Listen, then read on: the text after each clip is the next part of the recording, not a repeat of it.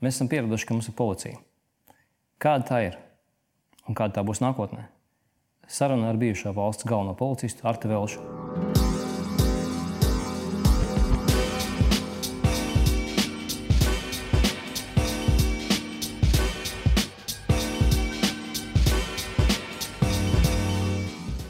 Sveicināts, Arti!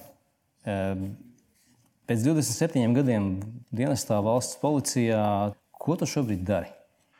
Jā, nu, tā, tā dzīvē viss salikās. Un, faktiski nu, jau decembrī būs gads, kā, kā pieņem šo lēmumu, ka vajag to dzīves tempu mazliet pazemināt un, un veltīt laiku tomēr arī sev, jo, jo mūžs diezgan ātri paiet. Tas skrējiens vai tas ritenis, kurā to es ielēdzu, ja, viņš, protams, ir, ir diezgan dinamisks. Un it sevišķi policijas vadības līmenī tie risinājumie jautājumi ir ļoti daudz. Plus vēl ir dažādas cerības un idejas, ko vajadzētu paspēt piepildīt. Tad tev liekas, ka tu skrien, skrien, skrien. Bet nu, vienā brīdī ir mazliet jāpiebremzē.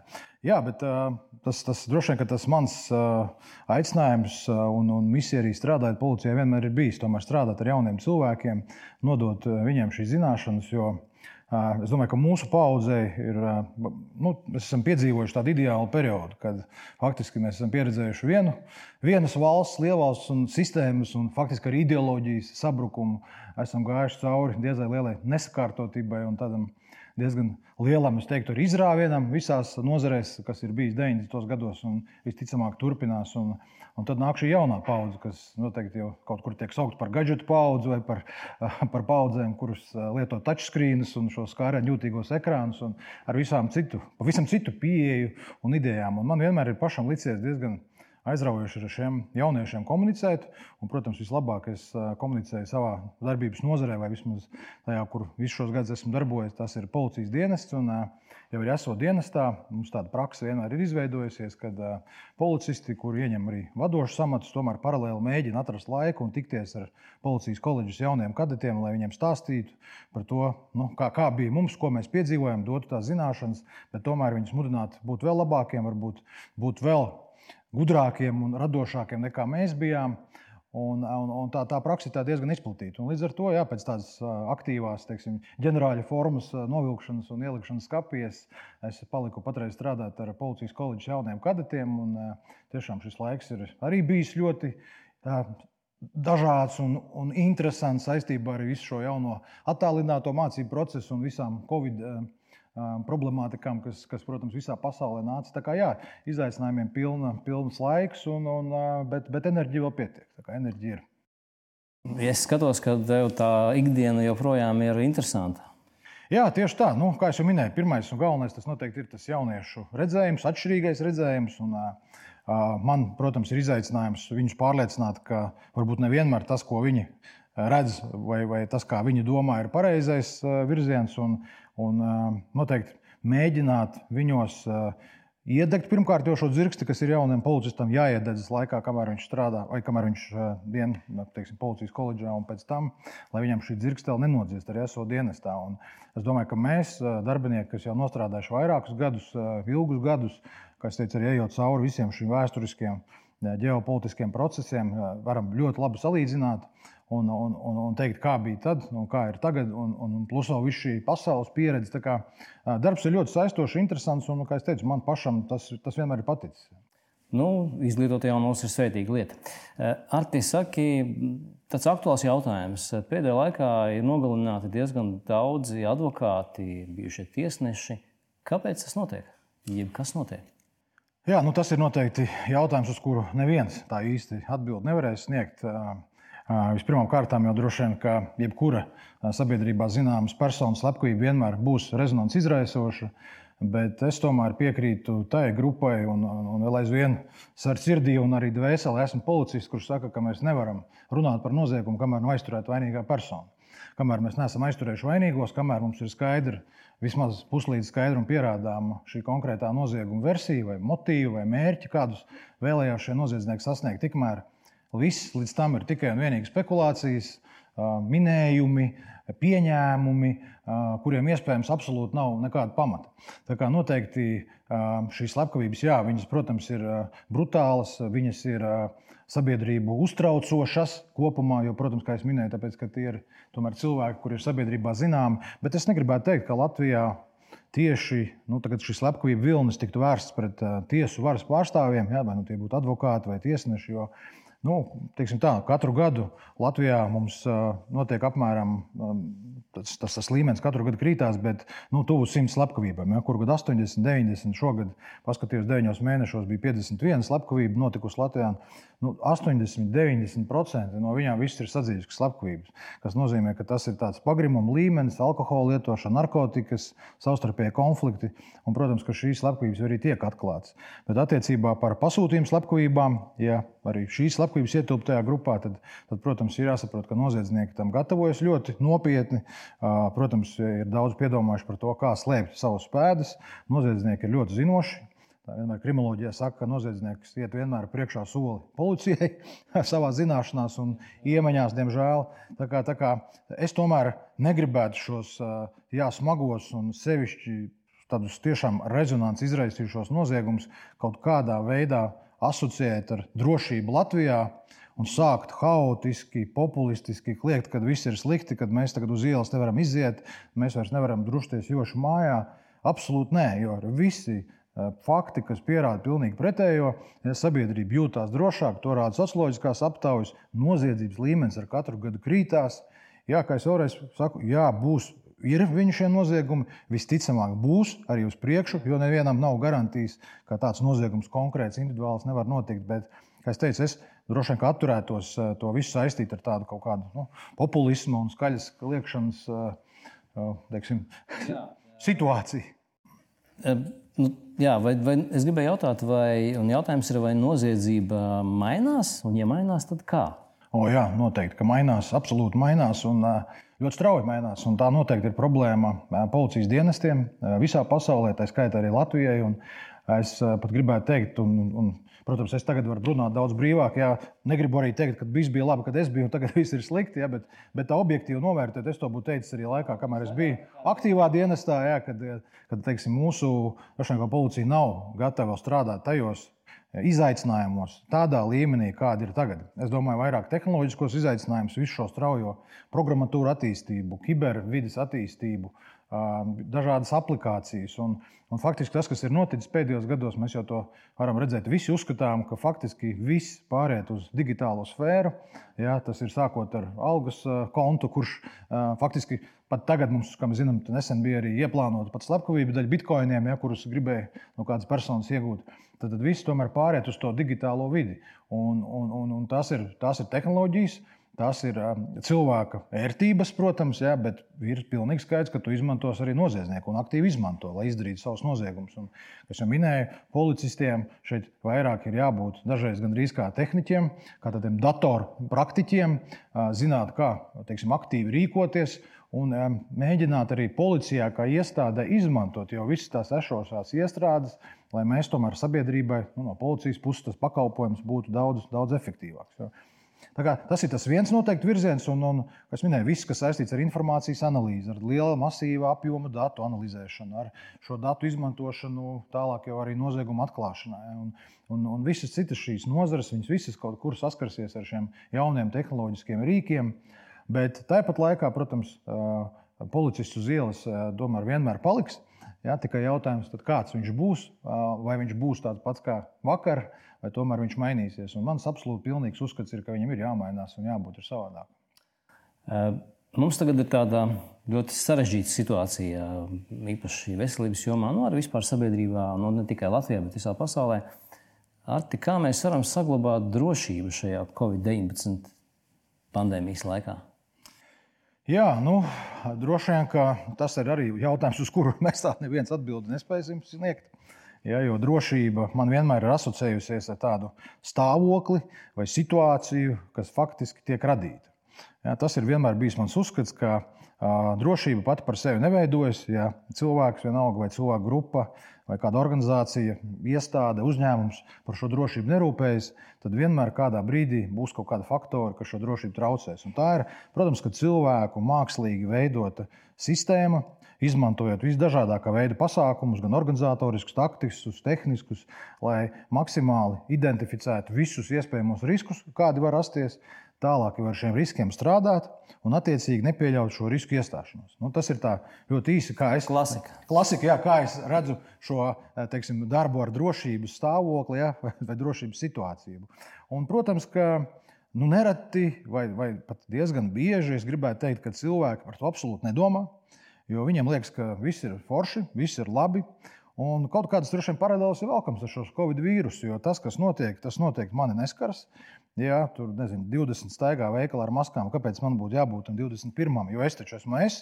Es uzskatu tā, es uzskatu, ka vēl tur kaut kas man ir. Es esmu gudrāks par tiem virusologiem, un es vienkārši nepakļaujos šādai te, teiksim, prasībai. Ja? Un, un faktiski ar savu rīcību šādā veidā gan apdraud pirmkārt jau sevi, gan apdraud arī pārējos. Ja?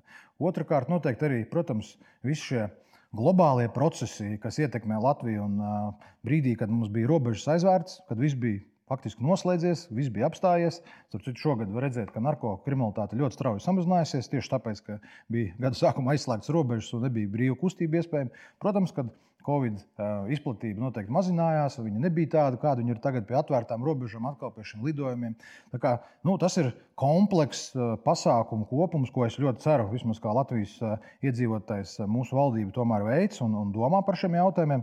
Tas, ka mums vienmēr būs kaut kādas teiksim, diskusijas vai, vai, vai, vai iebildumi par to, ka tas ir stulbi, nepareizi, nav noderīgi. Tas ir skaidrs, jo katrs mēs esam personība. Bet es tomēr, kā cilvēks, aicinu arī pārējos cilvēkus uzticēties profesionāļiem, nevis ar viņiem iesaistīties polemikā un, un vienkārši sekot. Un jo vairāk būs tādu cilvēku, kas to dara, jo noteikti tā drošība uzlabosies. Starp citu, manuprāt, ļoti labs piemērs ir arī nesen izlasīju vienu statistikas datu par to, ka valsts mums apmaksā zarnu vēža skrīningu cilvēkiem ir 50 gadiem, bet 80% iedzīvotāji to neizmanto. Ja? Tad, tad neizmanto šādu pakalpojumu. Tas nozīmē, ka viņi nu, iespējams ir dzirdējuši, liels, iespējams nav cipars. dzirdējuši. Jā, tas, manuprāt, ir milzīgs cipars. Un, ja mēs zinām, ka jā, teiksim, veselības jomā, protams, šīs visas vēža saslimšanas ir viens no galvenajiem iemesliem dažādām teiksim, šiem, šiem nāves gadījumiem, tad, tad ir jautājums, par ko domā 80%. Un tā mēs to stāstu varētu turpināt un turpināt un aiziet līdz, līdz privātām mājām, līdz, līdz lietām, par kurām es personīgi domāju vai nedomāju par drošību. Vai man sētā ir suns, vai man es tiešām slēdzu māju naktī ciet, tāpēc ka es saprotu, ka kāds tur var ienākt, nevis es neslēdzu, jo te neviens nekad nav nācis. Un tā mēs to varētu turpināt. Un attiecībā par Covid, nu es tā ļoti ceru, ka tomēr ar Latvijas sabiedrības kopējo tādu atbildības līmeņa paaugstināšanos, ka tomēr mums izdosies visiem kopīgi to, to, to sērgu. Visiem ierobežot. kopā. Tomēr visiem kopā, jā. Es domāju, ka tur tā savādāk ceļa nav. Ar Jautājums ir, um, tu, es zinu, tu pats esi beidzis policijas akadēmiju.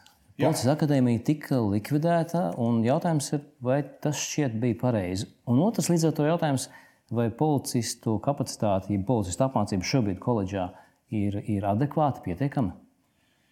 Jā, nu tas arī, protams, ir garš stāsts. Un, uh, es vis, visticamāk, atkal mēs būsim pie, pie, pie sērijas, respektējot jebkuru cilvēku viedokli par to, tas bija pareizs lēmums vai nebija. Es uh, vienmēr esmu paudis savu viedokli, ka tas bija pareizs lēmums. Nekad no šī viedokļa. Tomēr bija. Jā, bija pareizs lēmums, tāpēc ka es arī pats esmu policijas akadēmijas absolvents un ļoti ilgus gadus tur mācījos, faktiski no pirmā līdz pēdējiem kursam.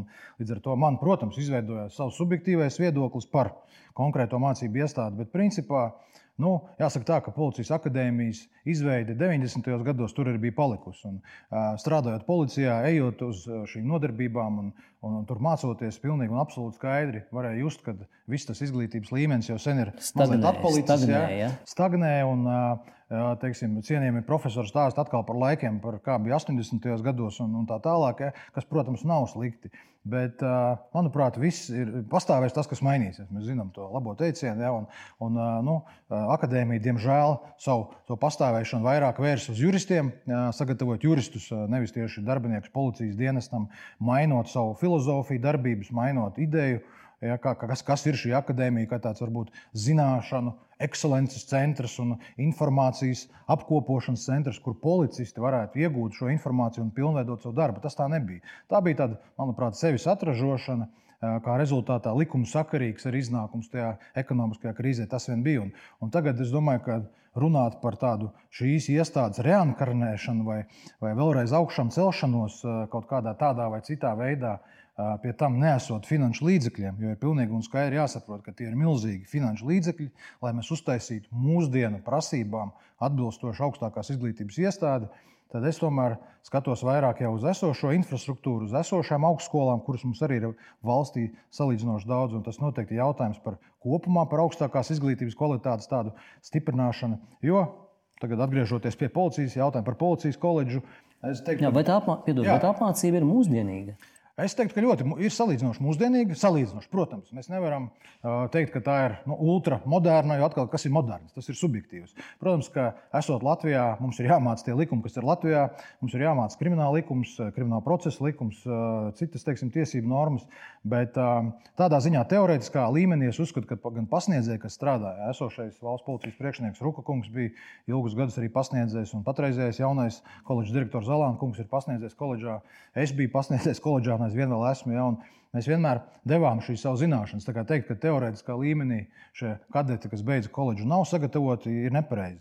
Un arī to, ne, tā, to, to tā arī nerāda. Arī šie pētījumi, kur tiek veikti pēc tam, kad viņi aiziet strādāt praksē, un darbinieki praksē saka, ka viss ir ok, viņi ir labi sagatavoti. Problēma ir materiāla tehniskā bāze. CSI? Absolūti un vienīgi. Jā, tad, tad, ja nav naudas, es uh, visu laiku atceros vienas uh, amatpersonas teikto, par to, ka mums ir jākļūst par labākiem Baltijā, kā piemēriem, bet bez naudas. Ja, kas, manuprāt, ir absolūti absurdi un nav iespējams. Un skaidrs, ka ir, šeit arī ir vajadzīgas investīcijas, tajās pašās poligonos, braukšanas apmācības, dažādās lietās un tā tālāk. Un tā tālāk. Tā kā es domāju, ka tā, tā, tā noteikti ir sfēra, kur vēl var investēt un vajag investēt, ja, bet, bet nu, nerunāt par, par absolūti milzīgas, jaunas, kaut kādas grandiozas iestādes celšanu. Ja kurai naudas noteikti nav. Jā, Arti, šo klausoties, es atceros, ka policijas un iedzīvotāju pretnostatījums vai pretstāvēšana šajos laikos ir vērojama visā pasaulē, gan Amerikā, gan Eiropā. Vai Latvijas policija ir gatava šādām situācijām? Nekad nesaka, nekad, bet atkal es domāju, ka mūsu situācija ir tomēr savādāka ar to, ka mums jau vienreiz šādi masu protesti bija, ja, kad bija šie vecrīgas grautiņi kas, kas protams, tā bija. Tā pieredze ir? Pieredze ir, jā, tieši tā. Un, toreiz absolūti bija skaidrs, ka policija nebija gatava, jo Latvijā visi protesti notiek miermīlīgi, ja, pārsvarā gadījumu. Līdz šim tāda pieredze nebija, un līdz ar to policija zināmā mērā bija arī iesnaudusies tādā nu, mierīgā režīmā, kas saka, nekad jau nebūs kaut kas savādāk, kā ir bijis iepriekš. Bet tā bija mācība, un mācība, es teiktu, policijai kā tādai. Un kārtības policija, kuras vadīju pēdējos gados, mēs, mēs ļoti daudz darījām, lai tieši vairāk domātu par riska analīzi. Mums bija vairāk Eiropas Savienības projektu, kuros mēs kopīgi ar kolēģiem izstrādājām taktiku. Ja, kā strādāt ar šādiem masu pasākumiem, ar riskiem, kuri šajos pasākumos pastāv. Un atkal šie riski ir jāidentificē un ar viņiem ir jāstrādā. Jo, ja tu ļauj viņiem pašiem dzīvot savu dzīvi, par viņiem aizmirsti, tad noteikti kādā brīdī viņi iestāsies. Bet, bet es tomēr gribu cerēt, ka šī mācība, kas vienreiz tika gūta, būs pilnīgi pietiekoša, lai jau nākošajās reizēs, ja kaut kas tāds kaut kur tuvumā pie apgāršņa parādīsies, būtu aktīva reakcija. Jo arī pētīju, protams, un daudz lasu par par šiem Amerikas masu nemieriem un grautiņiem, kas izcēlās Amerikas Savienotajās valstīs. Un zinot, ka Amerikā ir vairāk nekā 1700 dažādas neatkarīgas tiesību sargājušās iestādes, tā skaitā, kuras nodarbojas ar izlūkošanas datu savākšanu, tas, tas viss nesalīmējās kopā. Un mēs absolūti ar kolēģiem, arī, kas tajā sfērā darbojas, runājam par to, ka visticamāk nebija tāds vienojošais elements, nebija tā apziņa, ka tūlīt, tūlīt kaut kas tāds var sekot un nesalīmējās visi šie fakti kopā. Un būtībā notika tas sprādziens, kas bija šie sociālie nemieri, kuriem arī policija nebija gatava. Un, uh, arī viņi, protams, par to daudz domā un runā, kā nepieļaut šādas situācijas vēl nākotnē, kas vēl būtu jāuzlabo. Uh, nu, es ļoti ceru, ka ka Latvijā mums nenāksies par to domāt, bet, bet par to vienmēr ir jāatcerās un jābūt par to gataviem. Ir. Bet es ļoti ceru, ka esmu pārliecināts, ka Latvijas sabiedrība tomēr nav tā, kas ies ielās ar akmeņiem. Man te ir, man te ir citas dabas jautājums, par ko mēs neesam laikam nekad runājuši. Bet, bet saki, kāda nu, līdzinājā tavā dzīvē ir bijusi situācija tāda nu, visapdraudošākā, vis, tāda, kas ir bijusi visdraudīgākā nu, tev personiski? Tas, protams, ir absolūti saistīts ar policijas darbu. Un, tie bija smagie, smagie vai interesanti 90. gadi, kad, kad man pirmo reizi nācās izjust to, ka uz tevi var tikt pacelts ierocis un no šī ieroča tiek šauts. Un, protams, tas bija tāds zināms šoks un apziņa par to, ka, jā, nu, kad tādas situācijas notiek. Tas Tad nav tikai filmās. Laiks. Kaut kāds laiks tas bija. Jā, jā tas, tas noteikti ir šie 90. Kā jau saku, 90. gadi jau mums vispār iezīmēs ar tādu ļoti organizētās noziedzības uzplaukumu. Jā, un, un šajā laikā noteikti es domāju, ka ļoti daudz policisti ir personīgi ar izjūtu arī bailes par to, ko viņi dara tajā laikā. Un, un noslēdzot sarunu, man ir tāds, nu, tāds jautājums, ko es gribētu padarīt par klasiku, un tu esi tas pirmais cilvēks, kurš šādu jautājumu atbildēs. Es ceru. O, jā, un šis jautājums skan šādi. E, saki, lūdzu, kas tavuprāt mums visiem būtu jādara, lai rītdiena būtu drošāka? Um, es teiktu, jāapzinās, ka rītdiena būs, viņa pienāks, un jābūt te gatavai. Tas, tas, tas būtu ļoti īss um, mans secinājums. Ja, tad, tad vienkārši paredzēt to, ka rītdien nevienmēr spīdēs saule, ka varbūt arī lietus, ka kādreiz būs arī pērkons, un ka rītā es varu nezinu, pazaudēt kādu mantu, vai man kāds kaut ko var nozagt. Ja, ja mēs katrs šodien domāsim par rītdienu un domāsim tieši par drošību, tad kopumā drošība Latvijā noteikti uzlabosies. Pozitīvi. Paldies, tev, par sarunu. Jā, paldies, paldies. ka uzaicinājāt. Paldies. Jā, paldies.